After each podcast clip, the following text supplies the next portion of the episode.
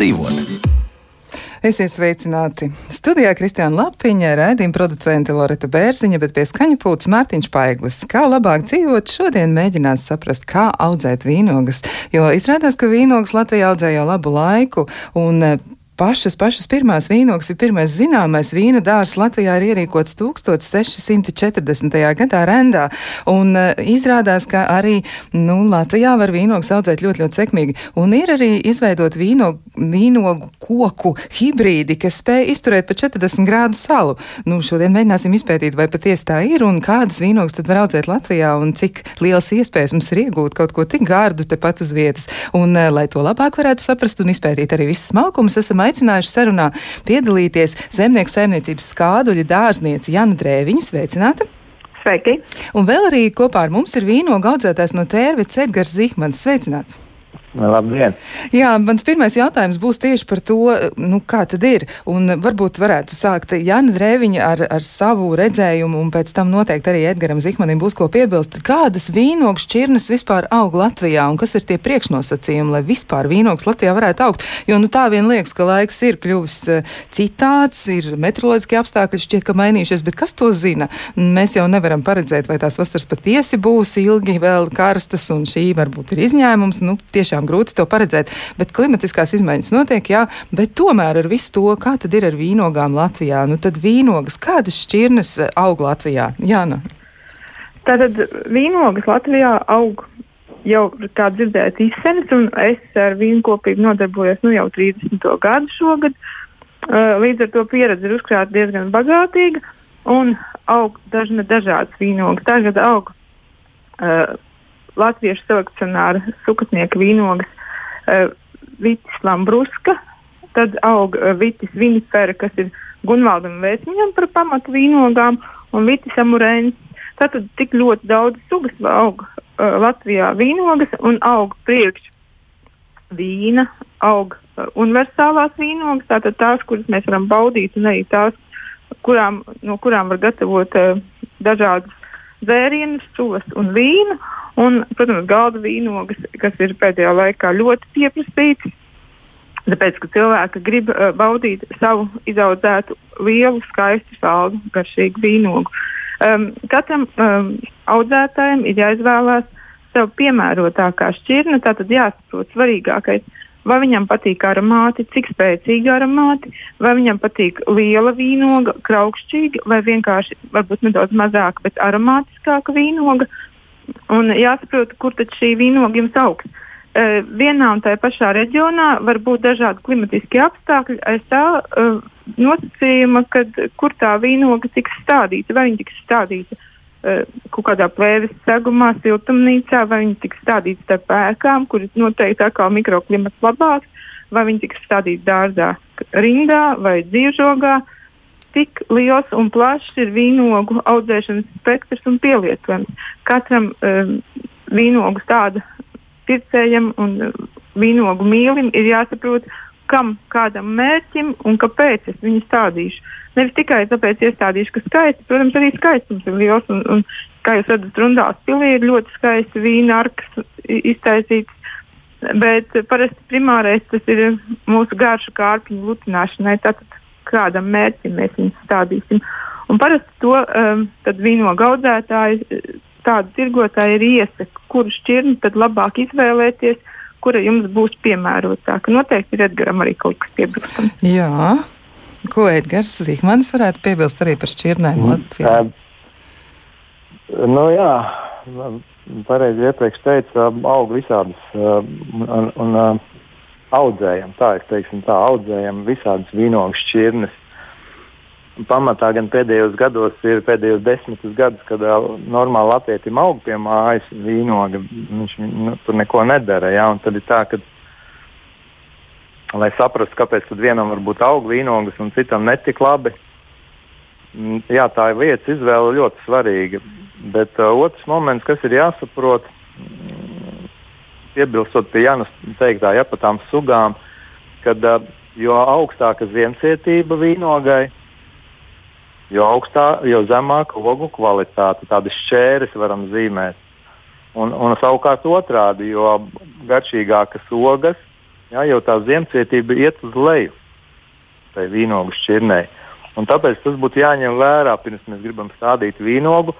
Uh, tātad, jo mums labāka stādīšanas vieta ir siltāka, ja, aiz, no aizvējiem, no vējiem pasargāta, jo mēs varam uh, tā teikt, uh, stādīt tādu augstvērtīgāku vīnogu, nu, kas ir tā vitis, vitis vinifera sugas uh, vīnoga jau.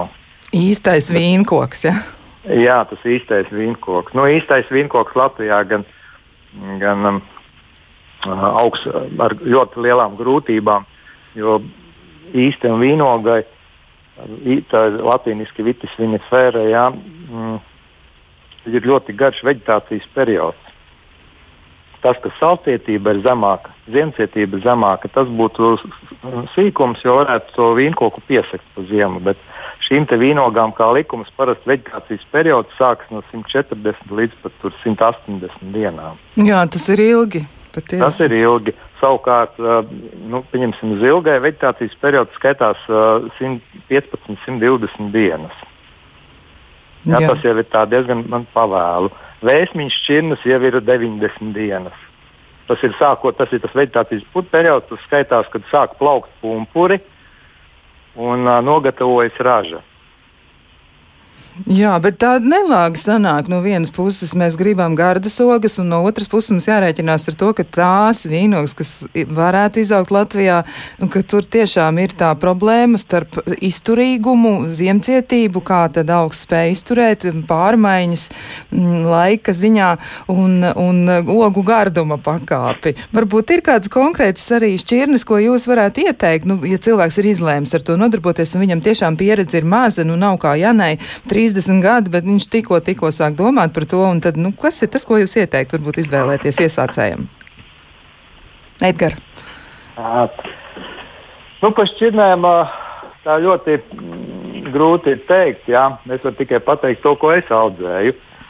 Kaut gan šobrīd tās šķirnes, mm, ko es audzēju, kas ļoti populāri ieplūst Latvijā, tās ir jaunās Krievu un Ukrāņu šķirnes kur uh, darbojās spēcīga selekcija, gan amatieri, gan profesionāļi institūti. Jā. Un šeit tiek krustota tā vitis vinifēra, jeb īstā vīnoga, ar amūras vīnogu, kam ir augsta ziemcietība, jā, līdz pat mīnus 40 grādiem, un, un, un parasti mazas zilas odziņas. Un krustojot šīs šķirnes, cenšas iegūt um, ogas, kam būtu um, augsta ogu kvalitāte, ja, vai lielas ogas, vai, vai ļoti garšīgas ogas, un, un paaugstināta ziemcietība. Un, un pats svarīgākais, um, kas ir būt priekš mūsu apstākļiem, kad saīsināt šis vegetācijas periods. Un tā, piemēram, man dārzā aug pamatā šīs šķirnes no Krievijas, Ukrainas, kurām vegetācijas periods ir līdz tām 120 dienām, kuras paspēja nogatavoties laukā, bet, protams, ar atbilstošu kopšanu vērtīgāk ir iestādīt siltumnīcā, siltumnīcā visas jūsu kļūdas, kopšanā, kā arī laika apstākļus, kas mūs patiesībā nelutina. Laika apstākļi ir, nu, ir slikti, teiksim tā, vīnogām. Jā, bet tā tad iestādot siltumnīcā, tad uh, šis te, uh, kā es teicu, tātad kompensēsies gan jūsu kļūdas, gan laika apstākļu kļūdas. Nu, šobrīd arī ienāk ļoti daudz jaunu šķirnes, kurus ražojuši ir amatieri. Um, un, un uh, šīm šķirnēm jāsaka, ir tā, ka cilvēki paskatās um, um YouTube un kur internetā tos aprakstus un ļoti lielā sajūsmā. Kad um, cilvēki tur raksturo šīs šķirnes, ir ļoti agras, ļoti ražīgas un tā tālāk. Bet jāsaprot, ka amatieru veidotās šķirnes, mm, tie, kas um, noteikti klausās manī šobrīd, uh, saprot, par ko es runāju. Uh, šīm amatieru šķirnēm parasti ziemcietība ir ļoti zema, slimība izturība zema. Ir tikai tas viņam tās lielās superīgās ogas. Ja?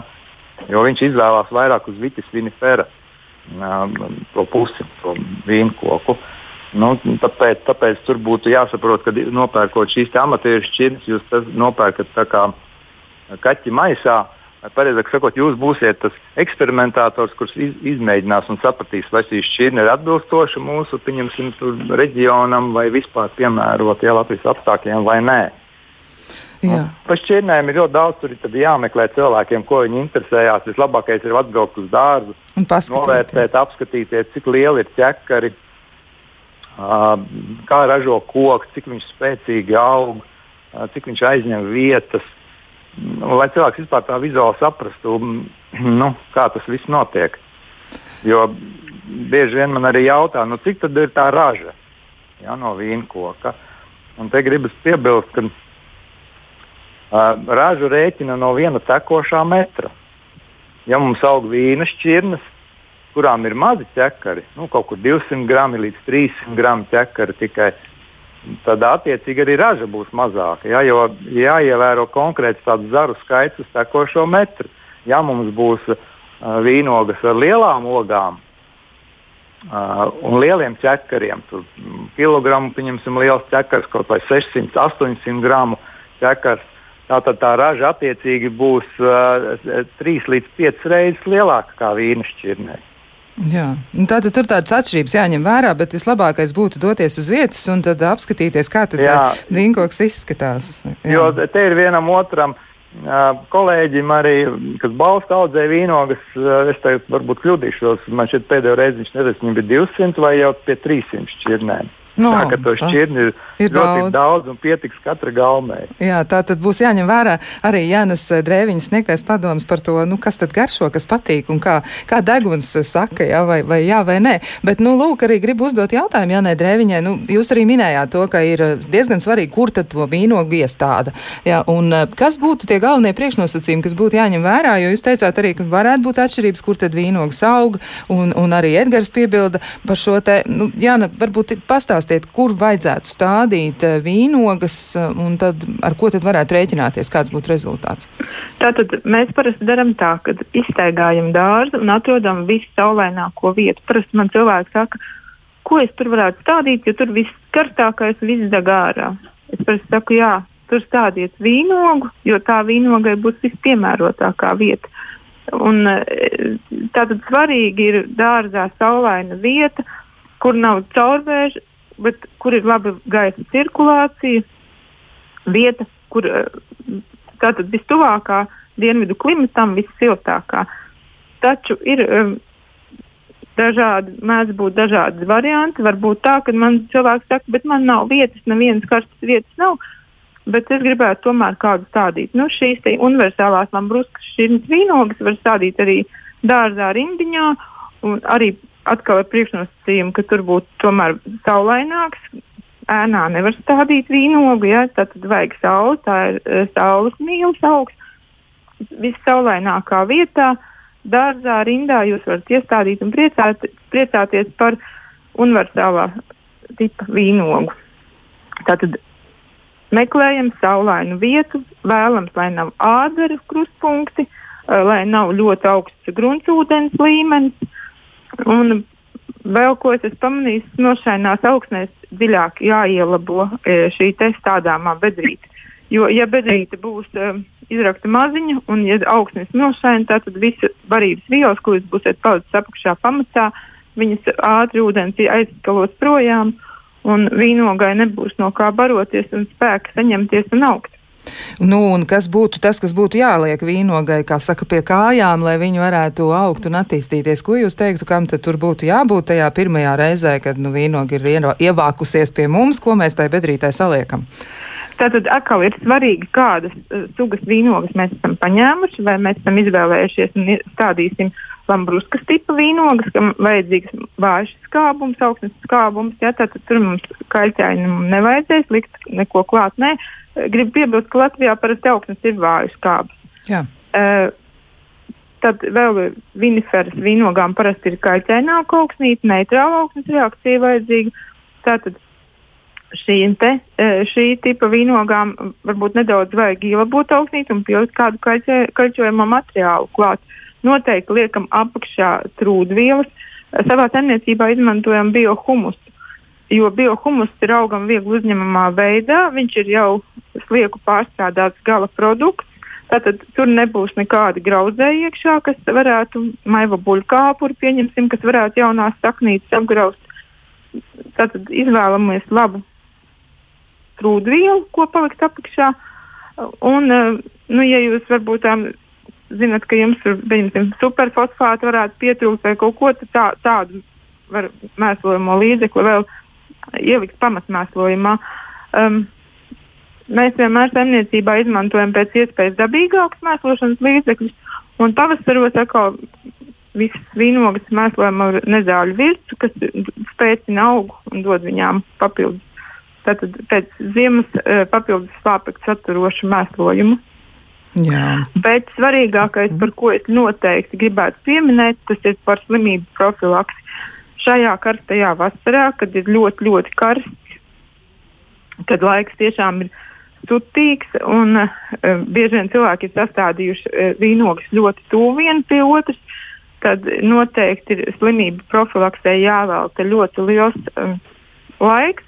Tātad tu, tas nozīmē, ka vīnogas ir jāizgriež, vīnogas ir jāizgriež jāveido, lai neveidojās sabiezinājums, lai vīnogām katrai lapai cirkulē apkārt gaisa, lai nesaslimst varbūt es varu pastāstīt arī par šīm Jā, patiesībā tas būtu ļoti, ļoti vērtīgi, jā, par slimībām uzreiz, un arī, nu, tās droši vien varētu būt arī tādas, nu, kā lai saka, tādas iesācēja kļūdas, ja jau cilvēks iestāda vīnogu, tiešām gaida, kad būs, un, un e, varbūt, nu, neizdara kaut kādas lietas, kas būtu ļoti svarīgas, nu, līdzīgi kā cilvēkiem jāēd, ir dažādi veidi vitamīni jāuzņem un, un, un dažādi veidi vielas, lai varētu pats viņš izturēt spriedzes pilno dzīvi, no šeit arī vīnogai jāpalīdz, un arī vīnogs mēdz slimot. Man liekas, šis ir īstais brīdis, jūs varētu varētu par to pastāstīt, un noteikti arī pēc tam varētu Edgars Zihmans kaut ko piebilst par šo visu.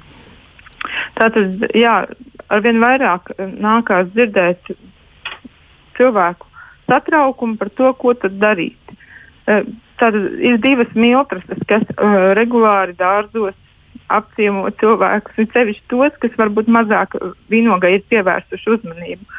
Um, tāda ļoti populārā ir um, vīnoga īstā miltrase īstās miltrases pazīmes ir tādas, ka uz ogām veidojās pelēcīga apsarmīta, tā kā noputējusi pelēku pūciņu būtu, un tātad viņa bojā arī ogu, oga kļūst nebaudāma, un viņa šī slimība arī bojā dzinumus. Tātad mēs arī varam redzēt uz lapām tādas baltas plaķīšas, uh, parasti uz jaunajiem dzinumiem viņi parādās baltas apsarmītas.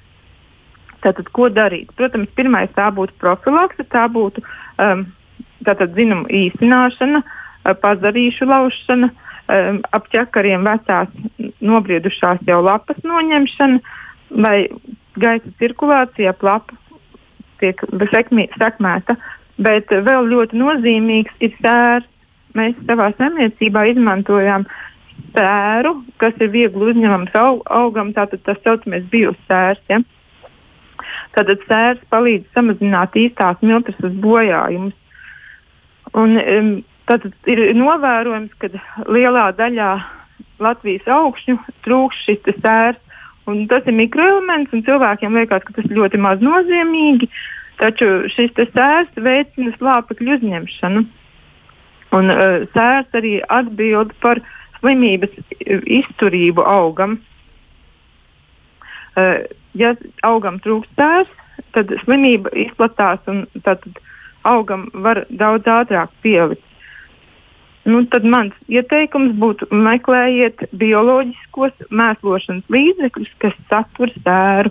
Ir bieži vien arī rakstīts, nu, biosērs vai sērs augam viegli uzņemamā formā. Es varbūt nesaukšu konkrētu preparātu, to jūs varat paskatīties manā mājaslapā. Ja? Bet eh, tātad sērs viegli augam uzņemamās formā ir šis sērs, kurš, eh, ja mēs viņu regulāri pēc noteiktā ražotāja lietošanas eh, lietosim, viņš veicinās slimības izturību augam. Nu, otra no ļoti populārajām slimībām ir neīstā miltrasa. Neīsto miltrasu mēs apkarojam ar vara uh, preparātiem. Jā. Savā saimniecībā konkrēti izmantojam vara un cinka saturošo preparātu. Tātad cinkam ir svarīga loma baktēriju vilmaņas procesā. Tāpat kā varam, varam arī šeit līdzīgi. Ja? Viņš tātad um, kavē baktēriju vilmaņas procesu. un tātad šis te varš un cinks um, noteiktā koncentrācijā kļūst patogēns šīm sēnītēm, šīm slimību izraisītājiem, un līdz ar to viņi nespēja attīstīties un aiziet bojā. Tātad mēs ierobežojam slimības izplatību noņemot vecās lapas. Es jau nepieminēju, kāda izskatās neīstā miltus. Jā, tas ir mans jautājums. Tieši tā, kā, kā tad izskatās, kā atšķirt īsto un neīsto miltus, jo, jo jā. tur ir zāles dažādas. Ja? nu, jā, jā, jā, jā. Tātad īstai miltusei, kā jau minēju, slimība bojā lapas plātnes augšpusi un ogas vairāk pamanāmas ir. Neīstā miltusa ir lapas apakšējā plātne, tātad apakšējā pusīte lapai. Tā ir tā vieta, kur mēs varam pamanīt šos baltos pleķus neīstai miltusai lapas virsējā plātnē redzami tādi dzeltenīgi ierobežojumi, vai citreiz arī brūni, gan pleķīši. Eh, bet parasti cilvēks to noraksta uz kaut kādu sausumu vai kaut ko un īsti nepamana. Tad es saku, vienmēr paskatāmies lapas otru pusīt un redzam, vai tad ir tas šis baltais pleķītis vai nav, vai ir šī te apsarmīte. Ja ir šī apsarmīte, nekavējoties strādājam. Tātad mēģinam ierobežot slimību. Slimās lapas uh, var noņemt. Un neīsto miltus varam pamanīt parasti uz vecākajām lapām, nevis uz jaunajiem zinumiem, kāds ir īstais miltusē, bet uz nobriedušajām lapām. Tātad divas dažādas slimības, divās dažādās vietās. Jā. Profilaks ir tā, ko mēs parasti vislabāk varam izmantot, lai ierobežotu slimības. Jo tad, kad slimība jau ir izplatījusies lielā apjomā, tad bieži vien tie ir mm, jau ķīmiskie preparāti, ko lietosim, taču mazdārziņā tie ir ierobežoti.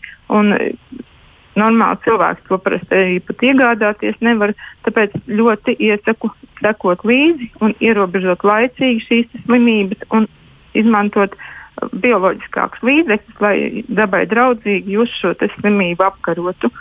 Mhm. -huh. Jā, tātad par miltrasu mēs tagad zinām vairāk. Varbūt arī Edgaram Zihmanim ir piebilstams, kas par tādām ļoti populārām, nelāgām lietām, kas vīnogas varētu skart. Varbūt ir vēl kaut kas, ko vajadzētu zināt. No vairāk jau nekāda tāda slimība nav Latvijā. Ir vēl antraknoze, bet Latvijā viņa nav īpaši izplatīta. Tā neesmu nu, nekur redzējis un dzirdējis par antraknozi. Pamatā varbūt kas vairāk, kas ievada kādus tādus vairumā no dienvidiem, tad var nu, arī iegādāties kopā ar tādiem antraknozi.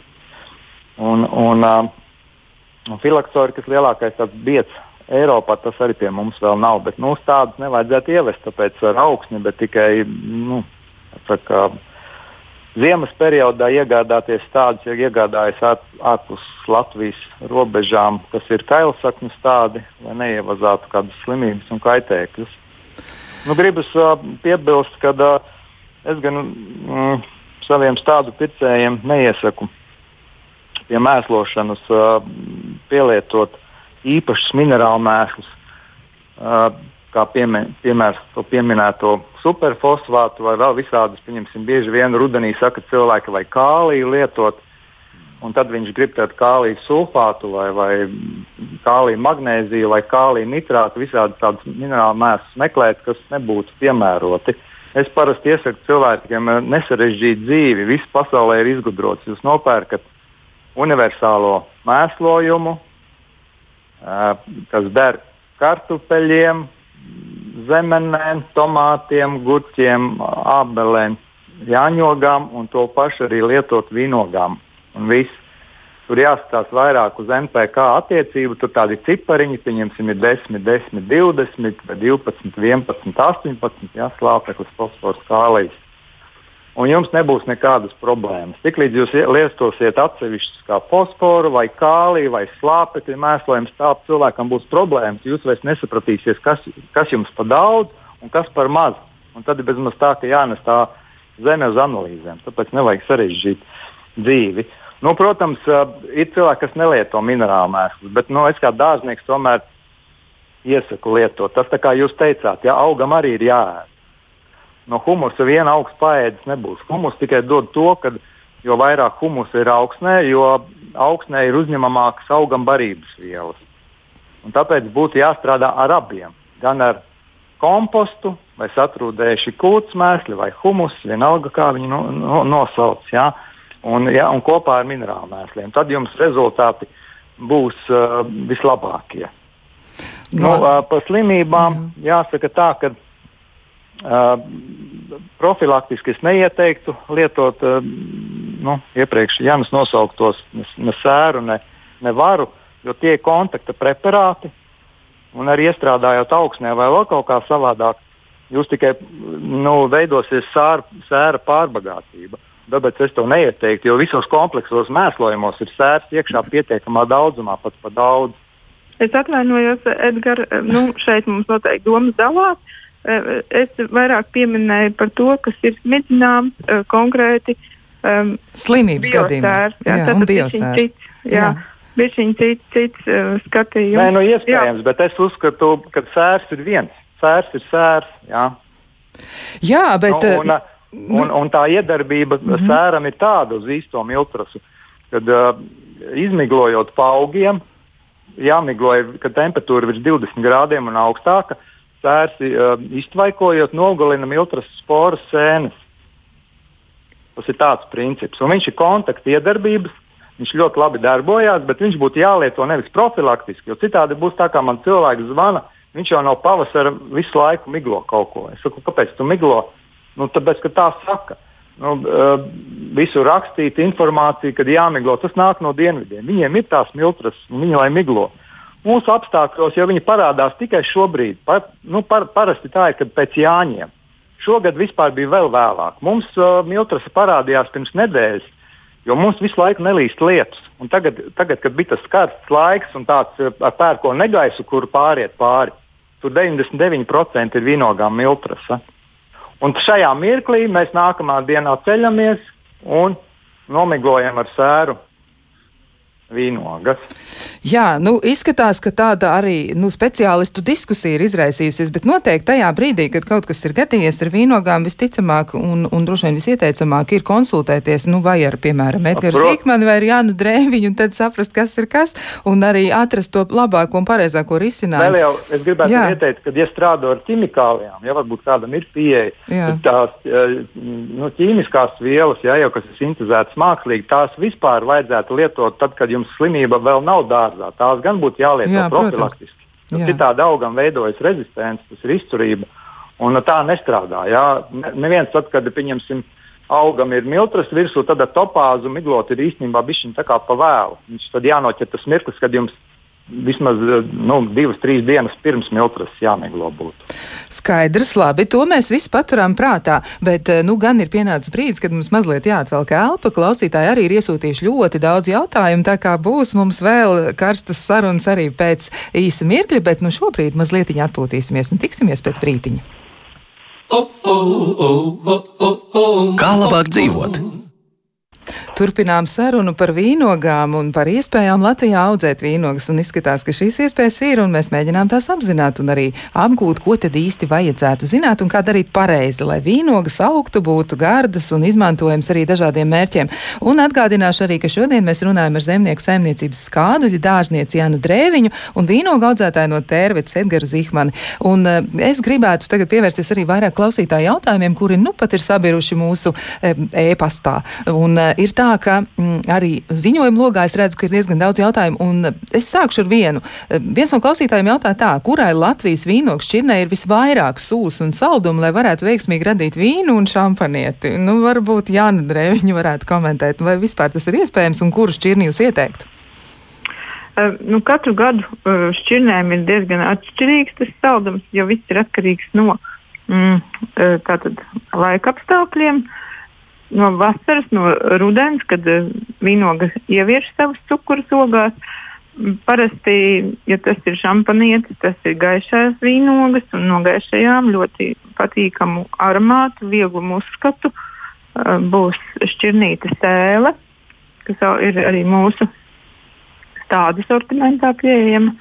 Uh, tātad pietiekami salda, pietiekami ražīga un ar ļoti patīkamu uzskatu pēcgaršu no gaišajām, no tumšajām vīnogām samērā ātra un garšīga tervetes zilā, ir zilga, ko daudz gan saka, ka īsti vīnam nedara, bet um, mēs paši viņu gatavojam un ļoti esam apmierināti ar šo te, šķirnes vīnu. Tātad ir diezgan plašs piedāvājums. Ir arī šķirnīta gauja, kurai varbūt ogas ir sīkākas, bet viņa ir agra un salda, pietiekams cukurs, lai uh, gatavotu vīnu. Man gan gaujā šķiet pamaz šo aromātu, bet nu, atkal cik cilvēki, cik viedokļi, kas kuram garšo. Jā, kas kuram garšo, par to noteikti jādomā vēl arī. Jā, atgādināšu klausītājiem, nu pat jau bija šī ziņa, bet noteikti atgādināšu vēl. Varat mēģināt arī mūs sazvanīt, un tālruņa numurs ir 6722, 888. Bet, nu, jautājumi ir patiesi daudz, un ir arī tādi, nu, tā kā slēdzieni gan drīzāk klausītājiem jau par sevi un par domu par nākotni. Un, proti, viena no klausītājiem raksta tā, esmu domājis par vīnogu audzēšanu, bet mani baida tas, ka tas prasīs lielu darbu, vai tikšu ar to galā, ja vīnogu draugs augs vasarnīcā, un es tur būšu tikai nedēļas nogalēs. Nu, varbūt Edgars eh, Zihmans varētu komentēt, nu, vai pietiek ar to, ka cilvēks nedēļas nogalē aizbrauc uz to savu mazdārziņu vai vasarnīcu vai, vai dārzu, vai ar to būs gana? Protams, reizi nedēļā, ja jūs pie, pieliksieties pie vīnogas un kaut ko tur paknēbīsiet un apgriezīsiet, tad tur būs pilnīgi pietiekami. Nemaz biežāk nevajadzētu darīt. Citādi bieži vien cilvēki uh, tajā darbā iekrīt tik, tik, ka viņi katru dienu cenšas to kniept galiņus nost un tās lapas raut nost un kaut ko tur darīt un ņemties. Bet to pat nevajadzētu darīt, jo, jo jūs vairāk viņu griežat, jo vīnoga vairāk aug. Tā ir. Un vēl arī klausītāji, jā, jāsaka, ka tas ir ļoti, ļoti populārs jautājums. Es redzu, ka vismaz četri vai pieci klausītāji šobrīd vienlaiks ir uzdevuši šo jautājumu, cik un kā e, vajadzētu un cik bieži vajadzētu apgriezt vīnogas. Kā tas būtu pareizi jādara? Nu, tad, es, Edgars, es ieteiktu jā. tādā veidā, it sevišķi, ja varbūt aug uz māju, uz lapeni, ja tās vīnogas būtu jāpieeja četras reizes gadā. Jā. Pirmo reizi pavasarī Jūs nonormējat maijā, kad plaukst vīnogas. Parasti maijā plaukst, tagad gan pēdējos gados jūnijā tikai. Tā kā mums vasara paliek īsāka. Un, bet par to varbūt vēlāk, ja paliks laiks, es varētu pastāstīt. Bet, bet tā tad nolau, non, nonormējam umpuru skaitu. Jā, cik mēs atļausim tiem zariem augt ar rogām. Tas būtu mājas. Uh, Pēc tam vēl pēc divām nedēļām var pieiet otrreiz, ar vienu reizi to nevar izdarīt, to nonormēt pumpurus un vēlreiz nolaust, lai neveidojas tas muģeklis, ja kā Jānis teica, lai nav biezoknis. Jo tad jums uh, tas vinkoks var slimot ar visādām slimībām, visādām iltrasām. Uh, otrajā reizē pieejam uh, uz Jāņiem, varbūt mazliet pēc Jāņiem, uh, kāds tas laika apstākļi, tad vīnogas jau dzied parasti. Uh, vismaz labruskas sugas vīnogas, un tās parasti aug pie mājām cilvēkiem, kas arī varbūt grib mazāk darba veltīt. Uh, viņas zied uz, uz jāņiem, varbūt mazliet pēc jāņiem, tad būtu jānoknieb vienmēr sakot, nu, jūlijā sākumā nokniebjam galus garajiem dzinumiem, kas jau izauguši vismaz ar 8, 10 lapām. Tas būtu pietiekami, lai, lai no, nogatavotos divi ķekari ar 200 gramu ogām. Nu, un, uh, uh, trešo reizi mēs vācam ogas, ēdam ogas, un ceturto reizi mēs rudenī, kad lapas nobirušas, apgriežam īsi jaunos dzinumus, atstājot divus, trīs pumpurus, kur veidosies nākamā gada raža. Protams, ja jums augsts kultūra vīnoga dārzā, mm, tad tai vīnogai būs jāpieiet mazliet biežāk. Kā man viens grūzīns teica, nu, pie, pie, pa sezonas laiku pie vīnogas jāpiet reizes 60. Tas sanāk katru otro dienu. Viņš ļoti mīl savus vīnkokus. Viņš... Nu, patiesībā tā arī ir. Vīnkoks ir jāmīl un viss jādara, lai tam vīnkokam ir labi. Es pat ieteiktu tā, ka uz ražu mēs daudz neskatāmies. Es arī mīlu savus vīnkokus un skatos, lai viņiem ir ērti, lai viņiem pietiek saules tiem jaunajiem zariem. Mēs pat lapas nekādas neplēšam nost, jo katra lapa ir no svara, lai nogatavotos uh, šīs sulīgās ogas. Mēs tikai jaunās lapiņas apkniebam, neļaujam augt, bet to darām reizi nedēļā. Nu, parasti ne biežāk ļaujam izaugt pat 30, 40 centimetru dzinumiem. Un tikai tad griežam. Tas sekmē to, ka nu, vīnogai jāļauj mazliet augt, un tad mēs viņu apturējam. Ja mēs viņu visu laiku turam līmenī un neļaujam vīnogai izaugt kārtīgi, uh, tad uh, viņa visu laiku dzens naudošos pumpurus un jums nāk uh, pa visām malām lien ārā jauni dzinumi un jaunas mazas lapiņas. Jums visu laiku tās tikai ir jālauž. Tā kā mazliet tā kā vīnogai jāļauj augt, bet pēc tam jāpiebremzē. Jā, tas nozīmē, ka viena no klausītājām ir uzrakstījusi tā, ka vai drīkst paplēst lapas lai labāk un ātrāk gatavojas, tiek pie Nē. saulītes, tad to nevajag darīt. Nē, jo visu ogu uh, uzkrāšana, nu, cukuru uzkrāšana ogās notiek caur lapām. Jā. Un te arī gribētu piebilst, kur iepriekš cilvēks jautāja par vīna vai šampaniešu šķirnēm. Mēs uz laiku nepaļaujamies. Ko mēs darām, lai mūsu ogas būtu saldas un garšīgas? Svarīgākais pat ir nevis cukurs, bet skābe. Jo skābe nosaka uh, to, to, vai jums šis vīns uh, patiks vai nepatiks. Es nezinu, varbūt par garšu, ja, ja viņiem pa augstu skābi un kaklā kož tā skābe. Ja tā kā jūs paņemat kādu dzērienu no jāņogām, uztaisat to mazliet pa skābu, pieliekam mazliet cukuriņu, tad ir labi. Un šī cukurus un skābes attiecība, šis balans nosaka vīna uh, to tādu to, nu, dzeramo kondīciju, teiksim tā, ja, lietojamo kondīciju vispār par aromātiem tagad nerunāsim. Un, un ko mēs darām? Mēs normējam ražu. Tērvetes zilai, pieņems, mums ir kristāls, kas ir superīga baltā vīnogu šķirne. Mēs normējam ražu. Uz katra zara atstājam divus ķekarus. Un tad jums cukurs būs vienmēr pietiekams. Mums katru gadu ir pietiekams cukurs. Tas ir virs 20%. Jā, tiklīdz mēs kādreiz nenormējām ražu, atstājām, pieņemsim, tērvetes zilā ļoti ražīga. Viņai pat var būt tā, uz viena zara četri ķekari. Un uh, cukurs jums būs tikai 11%. Un, un galvenais, ka skābi ir uh, virs 10 gramu litrā, šīs, šīs sula nav nekam lietojama. Tās ogas ir izmetamas miskastē.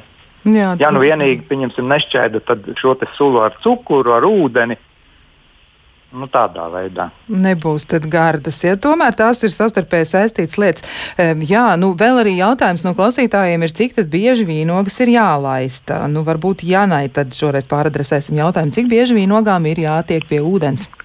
Nu, viss ir atkarīgs no kādā augsnē, kur jūs viņus aug. Ja viņas aug uh, saktā platībā, tad viņas ir pietiekami bieži jālaista. Uh, viņas, uh, tad vīnogas mēs uh, saktajā platībā laistam regulāri. Un laistam uh, aug, intensīvās augšanas apstākļos. Vairāk, tad, kad sāk ogles ienākties, tad mēs piebremzējam šo laistīšanu, un tad laistam ļoti reti, lai viņi saprot, ka nu, ir pienācis laiks gatavoties un, un, un biedēt ražu. Ja? Bet, um, šis, kad bija šis karstais, ļoti, ļoti karstais laiks, tad mums ir um, tāda aprīkota siltumnīca laistīšanas sistēma, un tad mēs laistījām katru dienu. Bet um, tas viss ir atkarīgs no tā, kur jums viņa aug. Ja jums viņa aug atklātā laukā, tad atkal atkarīgs no kāda ir augsne. Ja ir mālaina augsne, kura pietiekami uztur mitrumu, šo te mēs nelaistam.